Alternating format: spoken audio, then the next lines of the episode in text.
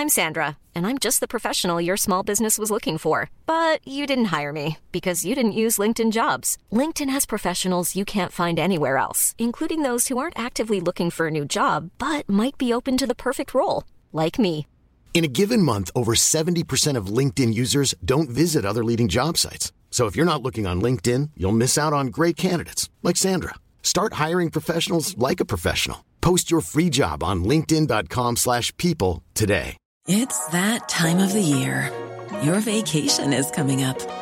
You can already hear the beach waves, feel the warm breeze, relax, and think about work. You really, really want it all to work out while you're away. Monday.com gives you and the team that peace of mind. When all work is on one platform and everyone's in sync, things just flow wherever you are. Tap the banner to go to Monday.com. When you're ready to pop the question, the last thing you want to do is second guess the ring. At Bluenile.com, you can design a one of a kind ring with the ease and convenience of shopping online. Choose your diamond and setting. When you find the one, you'll get it delivered right to your door. Go to Bluenile.com and use promo code LISTEN to get $50 off your purchase of $500 or more. That's code LISTEN at Bluenile.com for $50 off your purchase. Bluenile.com code LISTEN.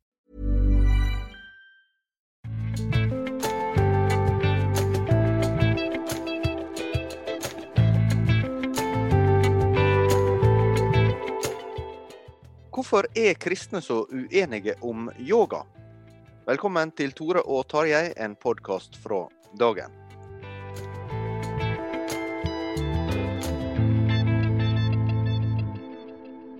Tarjei Gilli, hvordan står det til med allmenntilstanden? Nei, den er jevnt forfall. Eh, Det er jo et ærlig svar, men, eh, men eh, det er altså Tore Hjalmar Sævik, som er tilbake fra korona og dermed kan, kan være på kontoret. Men du sitter jo for deg sjøl på, på ditt loftskontor. Ja, jeg er vel formelt sett ute av den anbefalte karantenen nå i formiddag, men det holdt nesten til slutt. da. Jeg hadde tenkt, spøkt meg skulle satse på covid-22, Ja. men, men nå, denne uken her fikk hele familien sin, sin runde. Sånn er det, men det er godt vi kan stå han av. ja, vi får satse på det. I dag har vi faktisk eh, gjort eh, noe vi ikke har gjort før. Vi skal ha to separate gjester. Og eh, det er angående et tema som jeg vil si tilbakevendende vekker engasjement i dagens sine spalter. Nemlig yoga. Eh, og, og det slo meg da jeg kikka litt i arkivet at uh, dette her er jo en debatt som har har vært der uh, en del år. Men den ble aktualisert på nytt nå eh, eh, denne her eh, vinteren, i og med at det ble arrangert ei eh, yogagudstjeneste i Bergen domkirke. Og det var du, dialogprest Mai Bente Stuart Matre, som var en av initiativtakerne til den gudstjenesten. Velkommen til deg. Takk. Kan du fortelle noe om, om bakgrunnen for dette arrangementet? Ja, det er jo viktig kanskje å presisere hvorfor vi, vi har valgt å gjøre akkurat dette. For det, det er jo ikke som, eh, som det kanskje har blitt antydet i noen av reaksjonene, at dette er en måte å møte åndelig utmattelse eller fattigdom eller sånt på i kirken. Det er et, rett og slett et dialogtiltak. Eh, Og I Dialogsenteret så er vi jo opptatt av å komme mange grupper i møte. Jeg jobber jo òg mye i interreligiøs sammenheng. Eh, mot nyåndelighet. Eh, og i yogamiljøet så, så har jeg opplevd med mennesker jeg har møtt der, og mennesker som driver med yoga, for det er jo virkelig veldig mange som gjør i Norge. Både kristne og ikke-kristne. Men eh, mange av de formidler at de har begynt med yoga fordi de har kanskje gått ut av andre sammenhenger, men at det er mennesker som, som søker noe. Og, og sånn sett så kan en jo tenke at eh, ja, da tar man de inn i en, en fremmed sammenheng, og at de kan finne noe annet der. Men jeg har satt meg ganske godt inn i dette før jeg begynte med det. Det pleier jeg faktisk å gjøre. Og det er sånn at eh, de fleste som driver det som er den vanlige formen for yoga, som er å gjøre posisjoner, opplever at det gir fokus, samling. eh, Det virker inn på kortisol, på blodtrykk. altså Det har en del sånne ting som kanskje stressede mennesker i dag trenger, og som de opplever som å falle til ro på en måte som, som, gir fred, og som gir en dypere kontakt med seg sjøl. Som jeg tenker vår travelhet, og i kristne sammenhenger, eh, kanskje gjør at man ikke så lett eh, finner. Og så er det jo selvfølgelig hvis du bruker det som en ren trening. Men min, min tanke bak det er kanskje først og fremst den gruppen som, som, søker denne indre roen, samlingen, fokuset. Eh, kan du definere yoga? For, for, det er jo et begrep som blir brukt kanskje med ganske varierende grad av presisjon? Det, ja, det blir brukt i veldig mange sammenhenger, og det har blitt forstått på ulike måter og praktisert på ulike måter. Men selve begrepet betyr jo å binde sammen, gjøre noe helt. Eh, og jeg, og jeg tenker at det er kanskje noe der med kropp og sjel og ånd som en kan oppleve mer samlet i, en, i den, den, delen av, av, de som gjør yoga. For som jeg har skrevet i denne kronikken min, så er det forskning viser at det er ofte tre ting, tre områder man, man, opererer med yoga i, i, dag i Vesten. Og det er denne gruppen som vi snakker om nå, og så er det de som bruker det som en mer aktiv treningsform med andre typer yogaøvelser. Og så er det etter hvert ganske mye brukt i medisin og innenfor terapeutisk verden. Og der har det jo òg vært omdiskutert. Altså man, man kan, kan, ta ting som man ser kan være til hjelp inn i vår tradisjon. Men min, min, eh, tanke er jo at den form for yoga som vi er veldig bevisst på at vi nå praktiserer her, er er et, et redskap. Eh, det er stillinger og posisjoner som kan ligne veldig mye på vanlige. Det var en ung gutt der i kirken og han sa at disse øvelsene ligner på ting jeg har gjort før. sant? Eh, og det har jeg òg prøvd å si noe om at eh, yogaen er jo ikke det den var for noen tusen år siden. altså Akkurat som andre religioner og, og filosofiske retninger, så utvikler jo ting seg. Så, så, det vi har brukt yogaen til i vår tid, er jo mye som et eh, nøytralt redskap. Og, og, forskning viser også at de som gjør yoga, gjør det bl.a. fordi de opplever den som udogmatisk.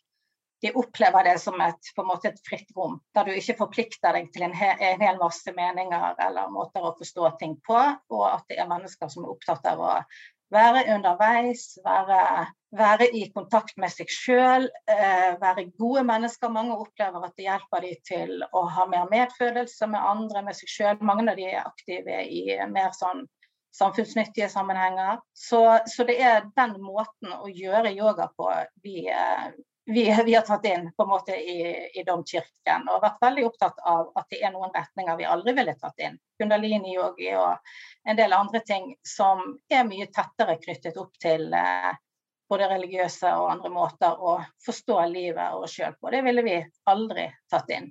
Dette var vel 31. januar, så vidt jeg husker, at denne gudstjenesten ja. fant sted. Sant? Og Der hadde ja. jo da vi sendt eh, en, en journalist og en fotograf ned for å for å dokumentere det som skjedde. og Det var jo, det var jo et talende bilder der folk ligger på, på tepper eh, på gulvet rundt i, i, kirkerommet. Og så hadde du òg, som du nevnte nå, en kronikk i avisen eh, publisert denne uken, der du prøver å forklare litt av deres både mm. motivasjon, bl.a. Mm. i det at dette var et forsøk på å nå ut til flere enn de som er faste kirkegjengere, men òg den skjelningen som du gjør nå mellom altså ulike grader, eller ulike grener, kan vi si kanskje, av, mm. eh, av yoga.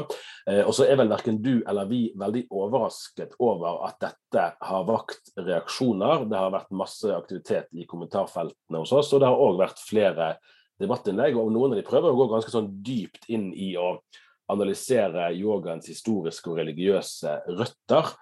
Eh, jeg lurer på hvordan du oppfatter denne motstanden, for den kommer jo fra hold der de som skriver, eh, anser seg sjøl Eller eh, mener at dette ikke, ikke hører hjemme da, i en kristen mm. sammenheng. Og det er ganske sterkt engasjement rundt det. Mm. Hvordan forstår du det? Er dette bare frykt? Er det, er det liksom folk som ikke vet hva de snakker om? Hva er det dette bunner i, sånn som du leser det? Nei, jeg, jeg, eh, forstår det som en, en, en, redsel for at en skal ta ting inn i kirken som ikke hører hjemme der. Og Det, det går godt an å forstå, og det, det er jeg veldig enig i. Derfor så tenker jeg at det, det ble viktig for meg å fortelle at vi har tenkt oss godt om, og vi vet hvilke former for yoga som vi ville kunne ta inn der, og hvilke vi ikke ville gjøre der. Og jeg tenker at det blir litt sånn begrensende hvis en bare snakker om den historiske opprinnelsen til yoga. Det blir som å snakke om på en måte hele den kristne historien. Vi har gjort utrolig mye rart vi har gått gjennom som vi kanskje ikke har lyst til å ha med oss. Eh, og, og, vi har også, altså, Kristen tro har jo òg hele tiden relatert til de religioner og samfunn vi har hatt rundt oss, sånn som jul. altså Selve navnet har vi til og med tatt fra den hedenske opprinnelse.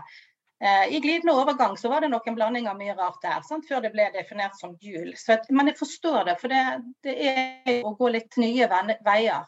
Men, men, hvis vi skal skille Du er jo tydelig på at det er sommerformer for yoga som ikke ville være aktuell for dere å, å, ta inn. Eh, kan du si noe om hva, hva kriterier du bruker for å vurdere hva er egnet hva er ikke egnet? Altså, jeg, jeg, tenker jo at alt som knytter det til på noen måte, verken med ord eller at man tetter det inn i en eller annen religiøs eller filosofisk sammenheng, eh, det ville vi aldri gjort. og Derfor er det det vi kaller posisjoner sant, vi gjør. Eh, og alt annet er, er, helt Det er ikke der. Og det er ikke fordi at vi har tatt det ut av noen annen sammenheng der det skulle vært med denne form for yoga er det man finner hvis man går på et treningssenter eller i et yogastudio.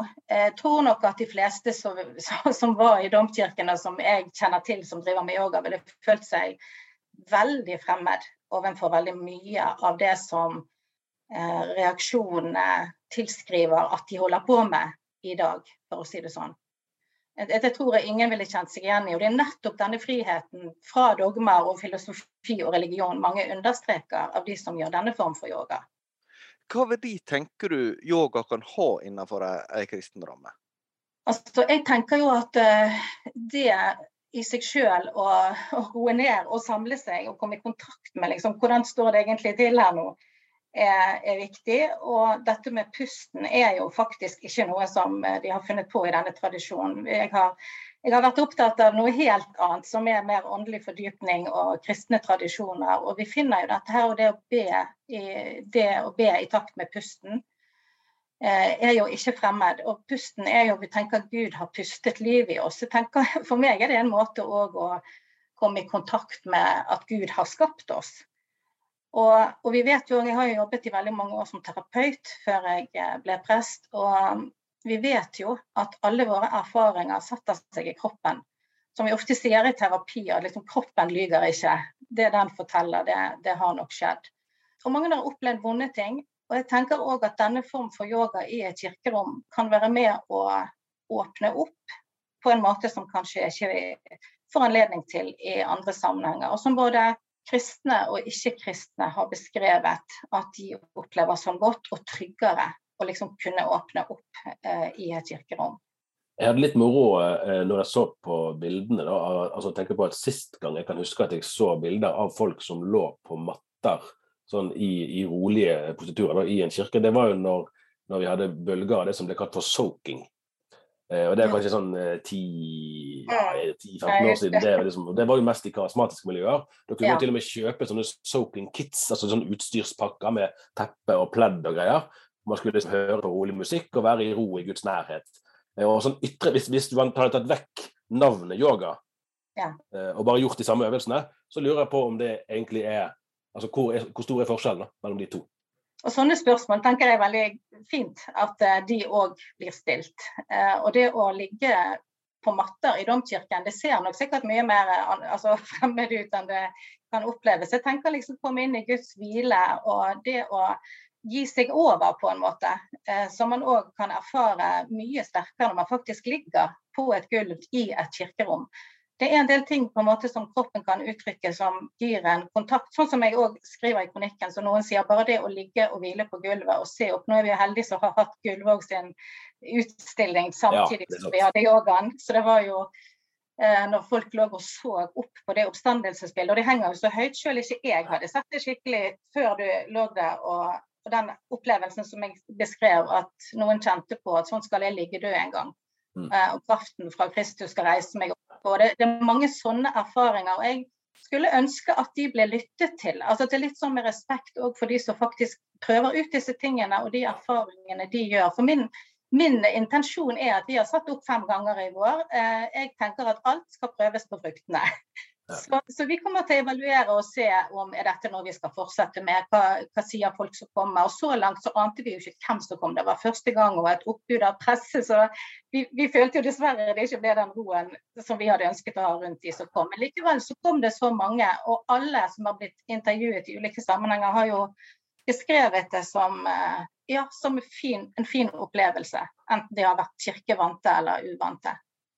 Eh, Somme vil jo spørre, fins det ikke der altså Når du har denne her uh, usikkerheten eller, eller frykta eller bekymringen, eller hva ord en skal bruke, det kan variere, men, men knytt nettopp til yoga fordi det har en opprinnelse i en indisk og hinduistisk kultur, så vil noen spørre ja, men fins det ikke element i, i kristen spiritualitet og historie som, som en kan utvide med? For, for somme vil jo si at den, den nordiske, skandinaviske, protestantiske tradisjonen den er blitt veldig sånn intellektuell og, og, og kjølig. da, og at, det, at det dermed så går en litt glipp av det fysiske ved, ved gudstjeneste, som en kanskje kjenner fra mer eldre liturgiske kirkesamfunn.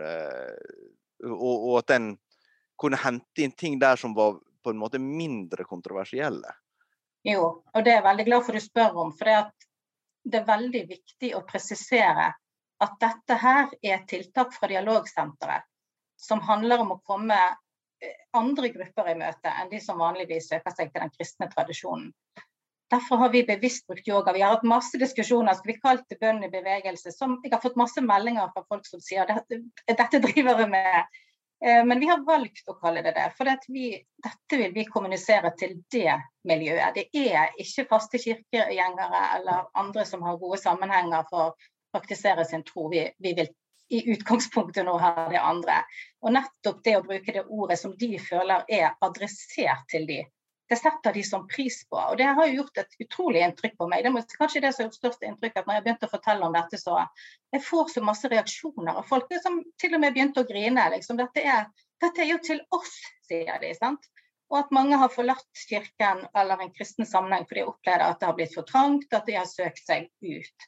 Og Det er jo mitt store ønske å vise at kom her med disse mattene deres. Altså, la oss, eh, det som dere har opplevd har vært for trangt, det er plass til dette her, og det er satt inn i en kristen sammenheng. og Vi har vært kjempeopptatt av at vi skal ikke tilpasse gudstjenestedelen. Den er ikke noen løse refleksjoner om allmennmenneskelige ting. Det er bibeltekster, og det er veldig tydelig forankret i kristen tro. Og Vi har òg en yogalærer som praktiserer dette som rene øvelser. For vi vil at begge deler skal være skikkelig. Det er ikke noe sånn at de prøver å sette yogaøvelsene i seg selv. De driver ikke sånn uh, holy yoga eller hva de holder på med i USA. Vi har øvelser som vi setter inn i en tydelig ramme, som er den klassiske gudstjenesterammen, for at det skal være så trygt som mulig.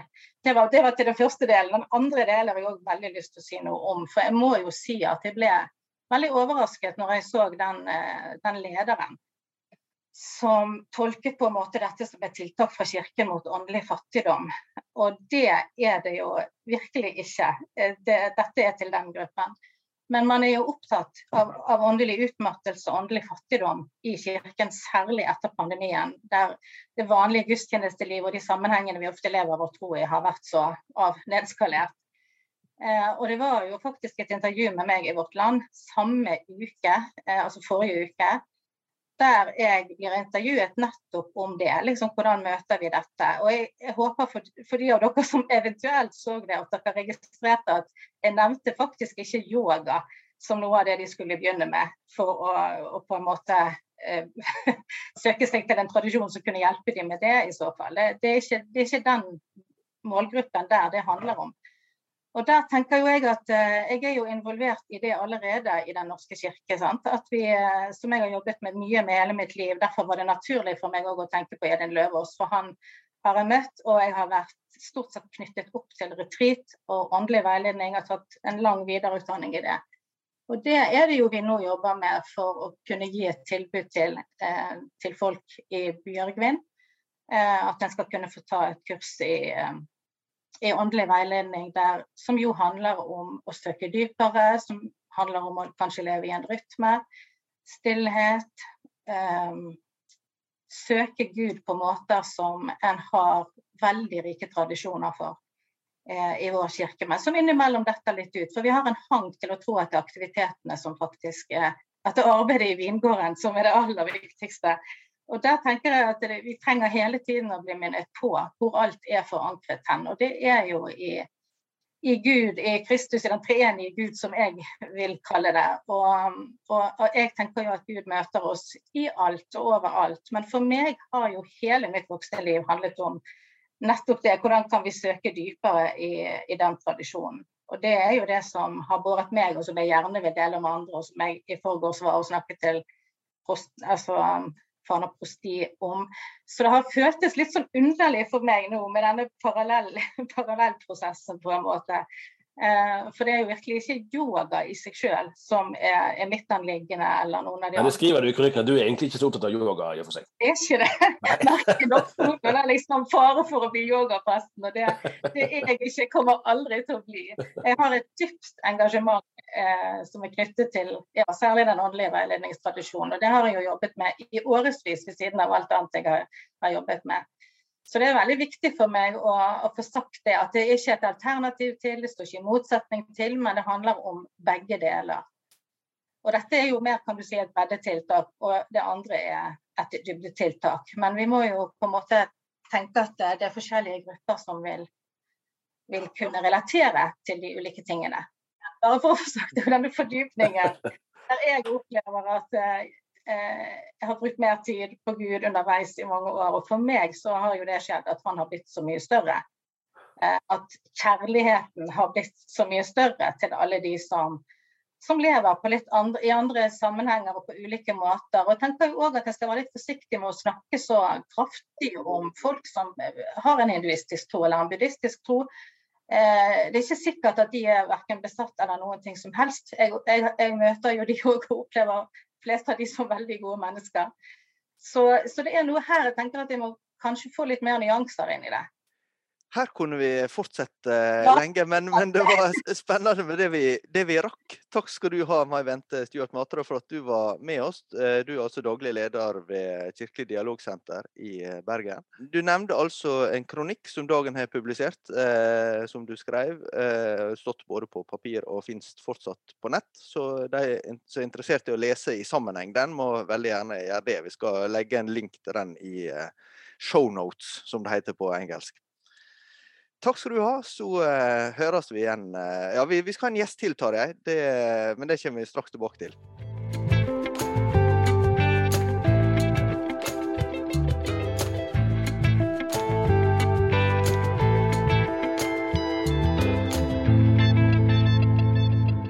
Da har vi kommet til eh, del to i uh, denne episoden i Tore og Tarjei. Og uh, gjesten nå, det er Arne Helge Teigen, førsteamanuensis ved Fjellhaug internasjonale høgskole i Oslo.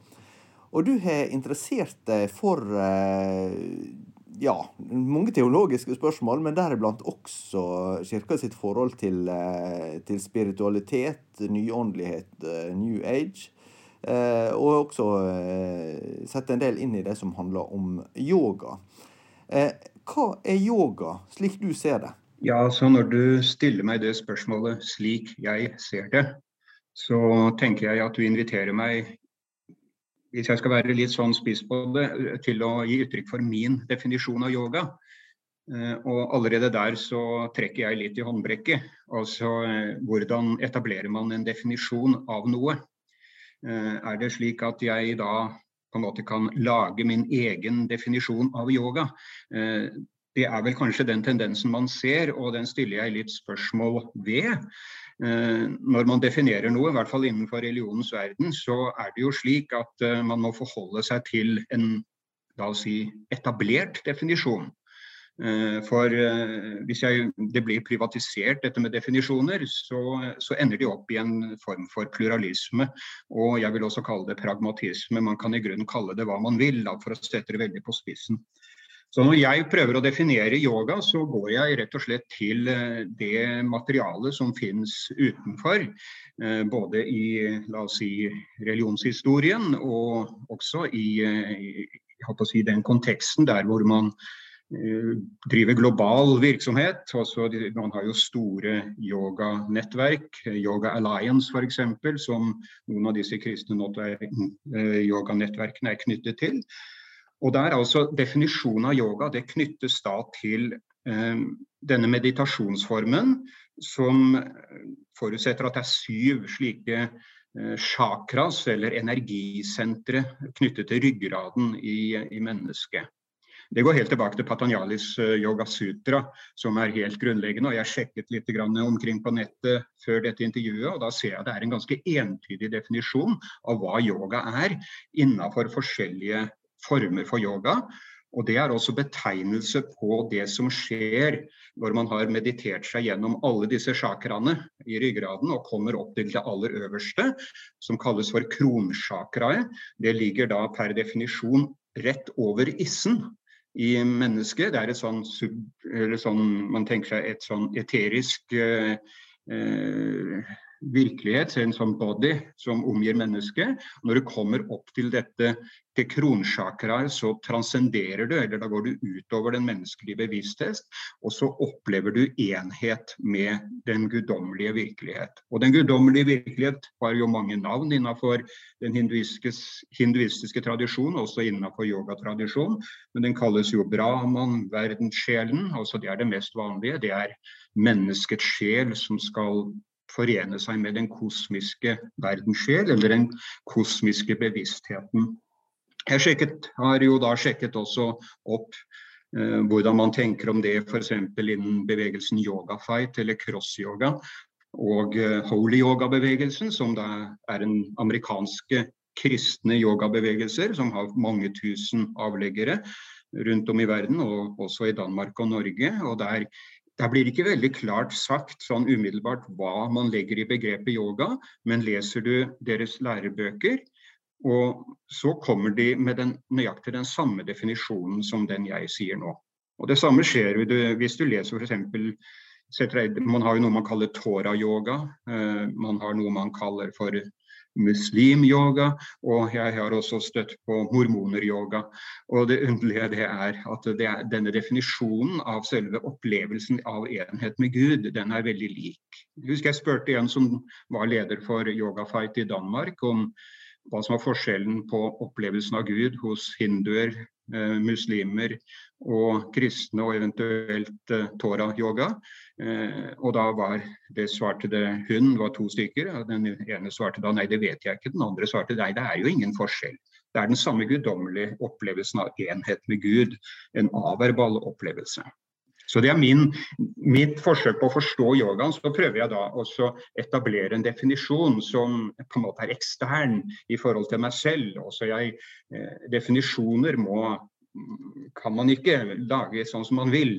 Og så Gjør man det, så vil det jo bli forvirring, og man snakker forbi hverandre osv. Og, så videre, og, og det er vel noe av det da som kanskje er eh, kjemien i det som, som, man ser av forvirrende oppfatninger. Vi er vel kanskje nettopp i, i noe av det som jeg tror er Eh, en kjerne i debatten her, tror jeg, på den måten at Og, og du sier det sjøl, altså, slik jeg ser det, at en, i prinsippet så kan jo enhver liksom ta begrepet yoga og fylle det med det innholdet man vil, og si at det er dette jeg forholder meg til. Og det som du sier der, det er noe helt annet. Og, og, vi har jo hatt noen debattinnlegg som går ganske langt inn i det historiske her, og det opprinnelige yoga var sånn og sånn og sånn. Og da er disse, disse tyngdepunktene i kroppen som du beskriver, vil jo være en del av det. Mens jeg vil jo tippe at f.eks. de som var på denne yogagudstjenesten i Bergen domkirke, hadde kanskje ikke noe forhold til det i det hele tatt. Og vi sier at ja, men Vi gjorde jo bare vanlige treningsøvelser. Og Hvordan skal man da forholde seg til de to? Går det an å isolere det rent sånn kroppslige, fysiske, fra den sammenhengen det blir til i? Ja, det er jo det som er et av de store spørsmålene. Eh, hvis man etablerer en, la oss si, eh, definisjon av hva yoga er, som bygger på den uh, tradisjonen og der hvor yoga har vokst frem, og som også forutsettes i, det, i, den store verden der man driver yoga ellers, så må man kunne ha man kriterier for å definere noe som egentlig utenfor eller innenfor den definisjonen. Og jeg vil jo si det sånn at I det øyeblikk man bare vektlegger den fysiske siden, av det som ligner yoga, og sitter i diverse stillinger som da ligner yoga, uten å ha med denne meditasjonsbiten, så har man egentlig tømt yogaen for innhold. Altså, da da, man, eh, da bruker man begrepet helt fritt, egentlig. Og det ville være omtrent som om vi Eh, skulle sagt om Bibelen at vi tar ut alt det som har med Jesus å gjøre, og så sitter vi igjen da med resten, for å sette det veldig på spissen. Og det er faktisk et anliggende jeg har. Eh, jeg har jo fulgt litt med på hvordan hinduer opplever det når eh, kristne eller eh, Vestens mennesker kommer og skal annektere yogaen og gjøre den til det de syns passer for dem. Ja, det er faktisk det. Det var det aktive begrepet, ja. Ja, man annekterer den. Og, og, og en, en, som heter Rajiv Maholtra har jo en lang samtale på godt over en time med, med lederen for denne kristne yogabevegelsen som heter Holy Yoga. Og da spør han henne da omtrent halvveis hvis når dere fra Vesten eh, også kommer til India da for å drive en form for yogamisjon, og dere tar vår yoga, vår forståelse av yoga, og fyller den med et annet innhold enn det som selve tradisjonen og yogatroen egentlig forutsetter. Eh, det kan sammenlignes, sier han, med at vi tar Bibelen eller at det kommer en fra en annen religion og vil på en måte annektere Bibelen, ta ut Jesus fra den kristne tro på Jesus og erstatte den med, la oss si, en forståelse av Jesus som harmonerer med en annen religion. Og Det er der vi, vi står overfor noe som man ikke tenker på i mitt eh, så langt jeg kan se, at yogaen har en så sentral posisjon i, eh, i, eh, la oss si, for mange hinduer i hvert fall, at den kan sammenlignes med det forholdet kristne har til Bibelen. Det, det, er, det, er, der man møter Gud, og da syns jeg det at det grenser til det respektløse, rett og slett. At man ikke ser to ganger, det er jo det å respektere betyr, ikke sånn. Hva er det egentlig de som da på en måte føler at de har en eiendomsrett rent kulturelt eh, til yogaen tenker når, eh, når, det kommer noen da på en måte bare overtar den. Det, blir en sånn, eh, det heter vel kulturell appropriasjon, det er ikke det i våre dager? Jo, jeg syns jo det. Han er jo denne Rajiv Maholtra. Jeg vet ikke hvor han plasserer seg innenfor alle hinduleirene. Men han, det er klart at han, han anklager jo indirekte oss fra Vesten for å lide under et, hva skal vi kalle det, et slags sånn koloniseringsmentalitet. og så Vi kan bare komme inn og så kan vi bare, ja, liksom bare stjele yogaen. Og så kan vi da omforme den inn i vårt bilde og, og bruke den for å sette det veldig veldig på spisen, men, men nærmest la de gå inflasjon i hva man kaller yoga. Og det syns jeg, i og med at yoga faktisk både kulturelt og religiøst eh, er altså det er, det er, en, det er hinduismen eller det, er, det tilhører en annen kultur vi kan ikke bare komme og ta den slik som vi vil, tenker jeg da. det, men, det men kan, holdninga, kan holdninga til yoga sammenlignes med eh, ting som kristne ellers har diskutert med kulturfenomen? Altså F.eks. musikk eller møtestil eller eh, karismatisk uttrykk eller sånn. Ser, ser noen slags parallell der? Jo, det er klart det at hvis man da definerer yoga temmelig fritt, som i en, i en eller annen debatt jeg rota meg inn i, da, argumenterte til meg enkle teolog og sa det at du må da skjønne det at um, juletreet f.eks. Eh, på en måte har en hedensk opprinnelse, og vi har tatt med oss det inn i, i, den kristne kultur og hengt bjeller og sånne ting på den. Og så har man da kristianisert eh, noe som egentlig var hedensk fra før av. Altså, hvis man sammenligner yogaen med et juletre, eh, og bruker slike argumenter og nærmest eh, definerer det som noe som kan tøyes i veldig mange retninger, da vil jeg igjen si at eh, da, da bruker man en argumentasjon som jeg vil si er tankeløs, men som vil høres temmelig respektløs ut overfor de som da ser på yogaen faktisk som sitt, det som gir dem et forhold til Gud. Eh, og jeg vil jo si som kristen at jeg ser på Bibelen som det stedet der jeg møter Gud. Gud taler til meg og gir meg, åpenbarer seg for meg gjennom det han har sagt og fortsatt sier til meg om Jesus Kristus. Det er jo det som er den grunnleggende forskjell eh, til den kristne tro, at det er en ordets religion. Eh, yoga og hinduismen det er en averbal form for gudserkjennelse. Man skal da transcendere begreper, ikke sant? fordi at begrepene er knyttet til det sanselige.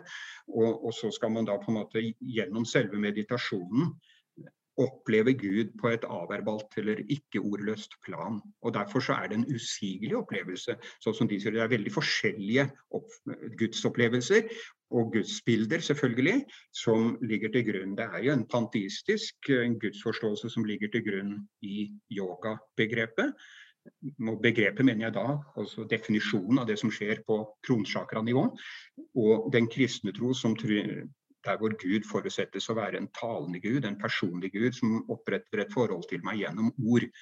Uh, og Derfor så syns jeg det man, man, kommer da med den unnskyld meg, eh, implisitte forutsetning for det spørsmålet. det er den som jeg har noen innvendinger imot. altså. Man, er det liksom så lettvint? Har man ikke da et veldig unnskyld meg, litt forenklet forhold til Kanskje også litt kunnskapsløst forhold til, til dette greiene her.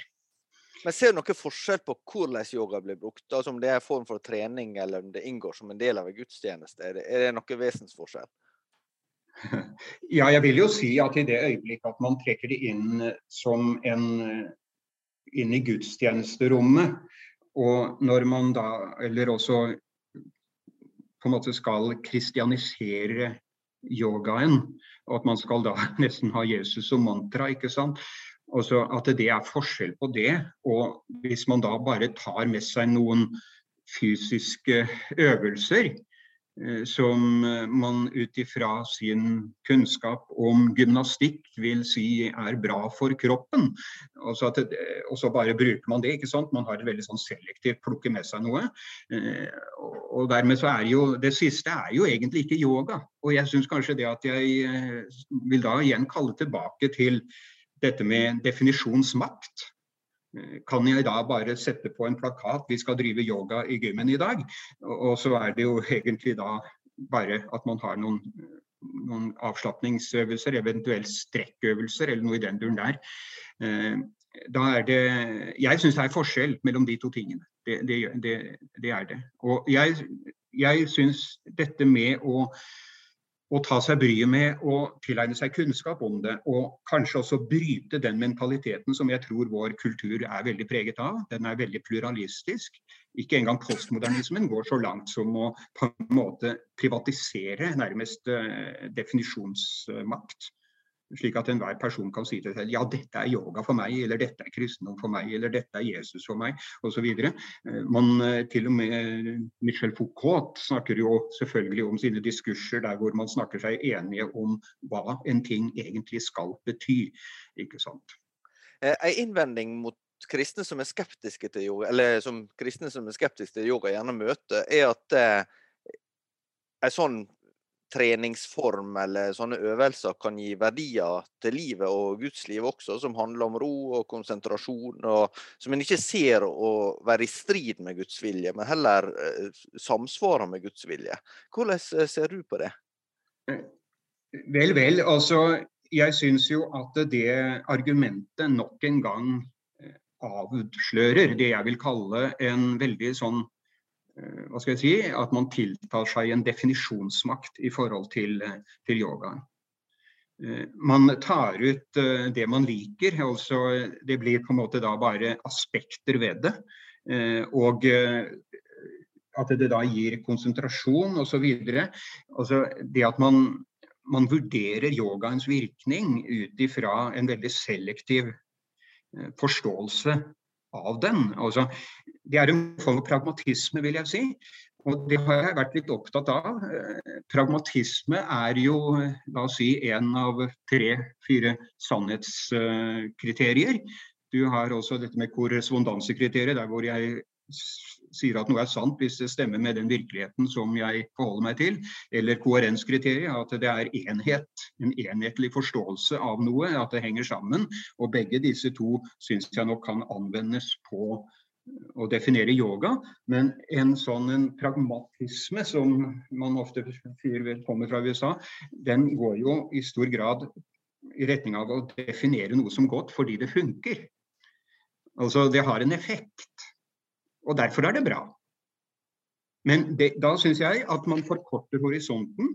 Eh, da, da, tar man da tar, da tar, man likevel man tar definisjonsmakten selv, og det syns jeg ikke er bra. Og I tillegg så har det jo også i dagen ganske nylig vist seg, eller vært de som har stått frem og sagt at det vel, det opplevdes veldig godt i begynnelsen, dette med å drive med yoga, men jo lenger, dypere man kommer inn i det, eh, jo jo sterkere vil det opplever kanskje da et menneske at det er sider ved det som gjør at man faktisk forstår jeg forholder meg til noe som har røtter i en helt annen religion, og den religionen er ikke kristendom. Det er to forskjellige religioner, som på en måte Eller en annen religion, egentlig, som i stor grad da har ligger til grunn for en, en korrekt definisjon av hva yoga er. Og Derfor syns jeg det at det argumentet holder ikke hvis man er opptatt av konsentrasjon og slike ting. Ja, så, så, og, hvile og sånne ting, ja så gjør gjerne det. Det kan, kan, man jo, det trenger vi alle sammen. Men hvorfor kalle det yoga? Men er, er interesse for yoga et symptom på sider som er for svake eller fått for lite rom, i hvert fall visse former for kristen spiritualitet? Eh, altså, eller for å ta et skritt videre, ser du noen bedre alternativ med, med, med et tydelig kristent utgangspunkt? Jo, jo. Altså, eh, det kan man jo sikkert si. Altså, det symptomet jeg eh, Det er mange symptomer her, og det er mange sikkert eh, komplekst å forklare hvorfor denne interessen er så stor for mange. Det, det, tror jeg nok. Det er et behov som mange føler da blir imøtekommet her. Men jeg vil jo si det Ja, hva skal jeg si? Altså Jeg sa det til en person en gang da, som drev et yoga, en yogavirksomhet da, for andre. Vedkommende spurte meg da ja, hva skal jeg kalle det, dette her da, liksom. Og Da vil jeg jo si det sånn at jeg tror at det kan man kan snakke om at det kan være en diakonal oppgave i det å, og, og si, la oss si, i kristen sammenheng eh, arbeide for at folk bruker kroppen. Eh, at de på en måte får et, eh, et godt forhold til seg selv osv. Også det at man driver fysisk aktivitet f.eks. Så man da man sier at dette er en form for trening. Ja, hvorfor ikke da heller kalle det fysisk aktivitet? Og se det som det. Og så vil jeg jo si det at at jeg tror som sagt at vår kultur er preget av en pragmatisme. Det, gjelder, det er langt inn i de kristne sammenhengene. Eh, også det som funker, det er greit. Det gjelder jo ikke bare yoga, men det gjelder også enkelte andre ting, så langt jeg kan se. At, at får man, at dette med å definere noe på la oss si innenfor norsk kontekst, da, sånn, vi, sånn, ser vi på det, så dermed så er det sånn. Så, så, så, får du en sånn mentalitet der man lukker øynene for den store konteksten eller fjernkonteksten osv. Selvfølgelig så er jo det du inviterer meg til, er jo å si noe om Bibelen som et alternativ. Eh, jeg tror at Bibelen bør man bør snakkes mye mer om den, de skattene som ligger i Bibelen, og det som er å hente ved å, å ta seg tid til å lese Bibelen. Eh, gjerne en halvtime om dagen, og, gjøre seg kjent med den. Og, eh, og tenke at nå når jeg leser Bibelen, ja, så forteller den meg om en mange ting som ikke jeg skjønner, men samtidig så er det også ting jeg forstår der. Jeg får møte Gud. Det er ikke bare det at Bibelen taler om Gud, men den taler også til meg. Det er jo en rekke bibelord der hvor, eh, hvor du ser at det er har tiltale i andre person, ikke sant. Du har trettet meg med dine synder og voldt meg med, med dine misgjerninger. Jeg er den som utstetter dine synder, og dine misgjerninger kommer jeg aldri i hu. Sånn omtrentlig eh, sitert ifra et ord ifra Nei, Jeg det var så verst gjengitt. ja. Nei, men altså, at Bibelen har to sider ved seg, det er jeg litt opptatt av. Eh, og Det ene blir i grunnen ikke vektlagt så mye. Det, man skal snakke om at Bibelen taler om Jesus. Men den gjør ikke bare det. Også den taler, den taler til meg i jeg-du-form. Og det er en masse ord hvor, som står i presens. Og ikke bare i fortid og i, i futurumform, men som står i presens, og det reflekterer egentlig den evige Gud. Og det reflekterer ord som gjelder til enhver tid og til enhver generasjon. Det, Bibelen sier du. Det er dine synder som er utslettet. Det er din, det er din frelse som, som Jesus Kristus har, har gjort ferdig. Kom for alt er ferdig, står det. Eh, kom hvem du enn er. Uten penger og uten noe å betale med, så skal du få det som Jesus har betalt for deg. Og det, det skulle jeg ønske var kanskje noe som eh, var en større lengsel hos mange. At jeg kan få møte Jesus på det planet, og at det er faktisk i Bibelen jeg møter ham der. Tenk når jeg en gang da, Hvis jeg er bevisst og vet hva som skjer når jeg skal dø, eh, hva vil jeg da forholde meg til? Hva er det da jeg skal gripe fatt i? Hvis jeg da sammenligner dette med å ha en averbal opplevelse av Gud eh, i form av meditasjon og det å kunne vise til et ord som forsikrer meg om at min frelse er ferdig, at den har Jesus gjort ferdig for meg, ja, så vil jeg velge det siste og gå inn i evigheten på grunnlag av det. Vi kunne fortsette lenge denne samtalen her også, men vår tilmålte tid er ute for i dag. Så vi sier takk til deg, førsteamanuensis Arne Helge Teigen ved Fjellhaug internasjonale høgskole i Oslo. Og så eh, tror jeg nok ikke siste ord er sagt om yoga. Eh, vi, kommer til, vi kommer tilbake neste uke. Da er det antagelig et annet tema, Tarjei. Ja, sannsynligvis. takk for i dag.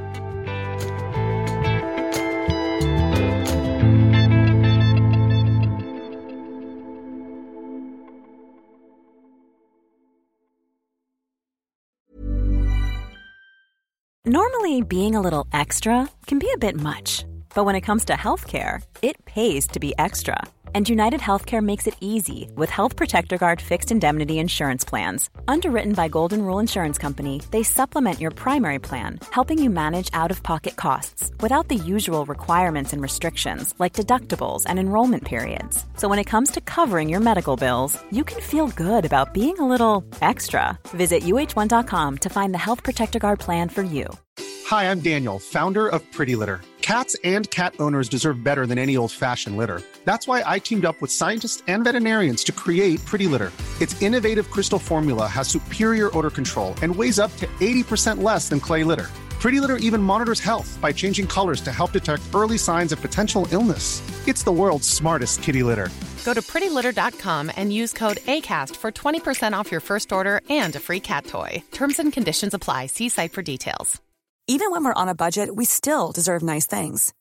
Quince is a place to scoop up stunning high end goods for 50 to 80% less than similar brands. They have buttery soft cashmere sweaters starting at $50, luxurious Italian leather bags, and so much more. Plus, Quince only works with factories that use safe, ethical, and responsible manufacturing. Get the high-end goods you'll love without the high price tag with Quince. Go to quince.com/style for free shipping and 365-day returns.